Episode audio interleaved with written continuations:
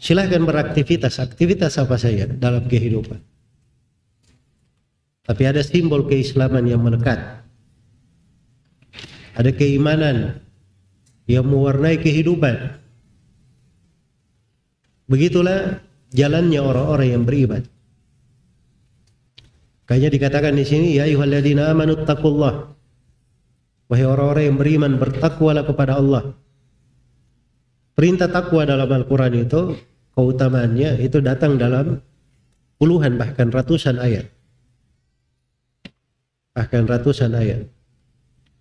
Ada sebagian ulama kita di masa sekarang yaitu Syekh eh, Muhammad bin Salih Al-Utsaimin rahimahullahu taala beliau punya sebuah buku judulnya Fawaidut Taqwa. Faidah-faidah dari ketakwaan. Dan itu beliau terangkan dari 100 ayat Al-Quran.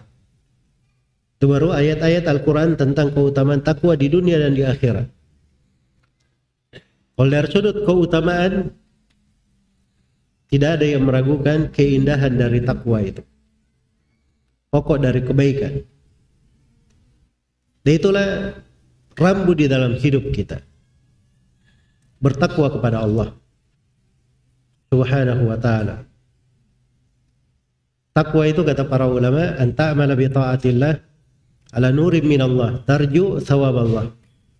Wa tatruka ma'siyat Allah ala nurim min Allah, takhafu iqab Allah.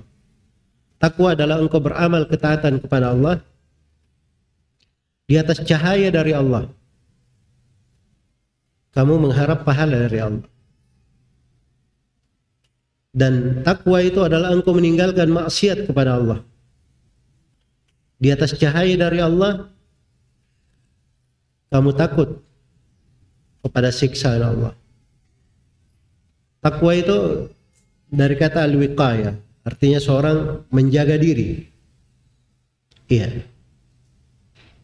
Kayaknya disebut takwa karena dia itu seperti tirai tembok pemisah yang memisahkan antara seorang hamba dengan api neraka.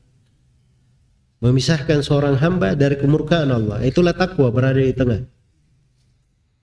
Dan takwa itu ada makna kehati-hatian. Karena itu kata sebagian ulama, jadilah engkau seperti orang yang berada di tanah yang penuh dengan duri dan kerikil tajam. Dia tidak menapakkan kakinya kecuali setelah dia yakin tidak ada bahaya di situ. Nah, itu namanya takwa. Itu yang disebut dengan nama takwa. Dan seorang mukmin memang diperintah untuk bertakwa. Dan di sini ayatnya bukan cuma takwa saya. Ittaqullaha haqqa tuqatih. Bertakwalah kepada Allah dengan sebenar-benar takwa dengan sebenar-benar takwa.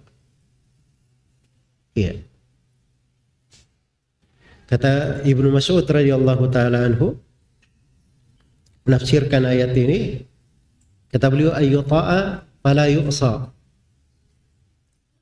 wa ayyudkara fala yunsa wa ayyushkara fala yukfar Maksudnya takwa kepada Allah dengan sebenar-benar takwa adalah taat kepada Allah. Taat kepada Allah tidak berlaku maksiat kepadanya. Dan yang kedua dia selalu berzikir kepada Allah. Tidak pernah melupakannya. Dan yang ketiga dia selalu bersyukur kepada Allah. Tidak pernah kufur kepadanya. Itulah takwa dengan sebenar-benar takwa.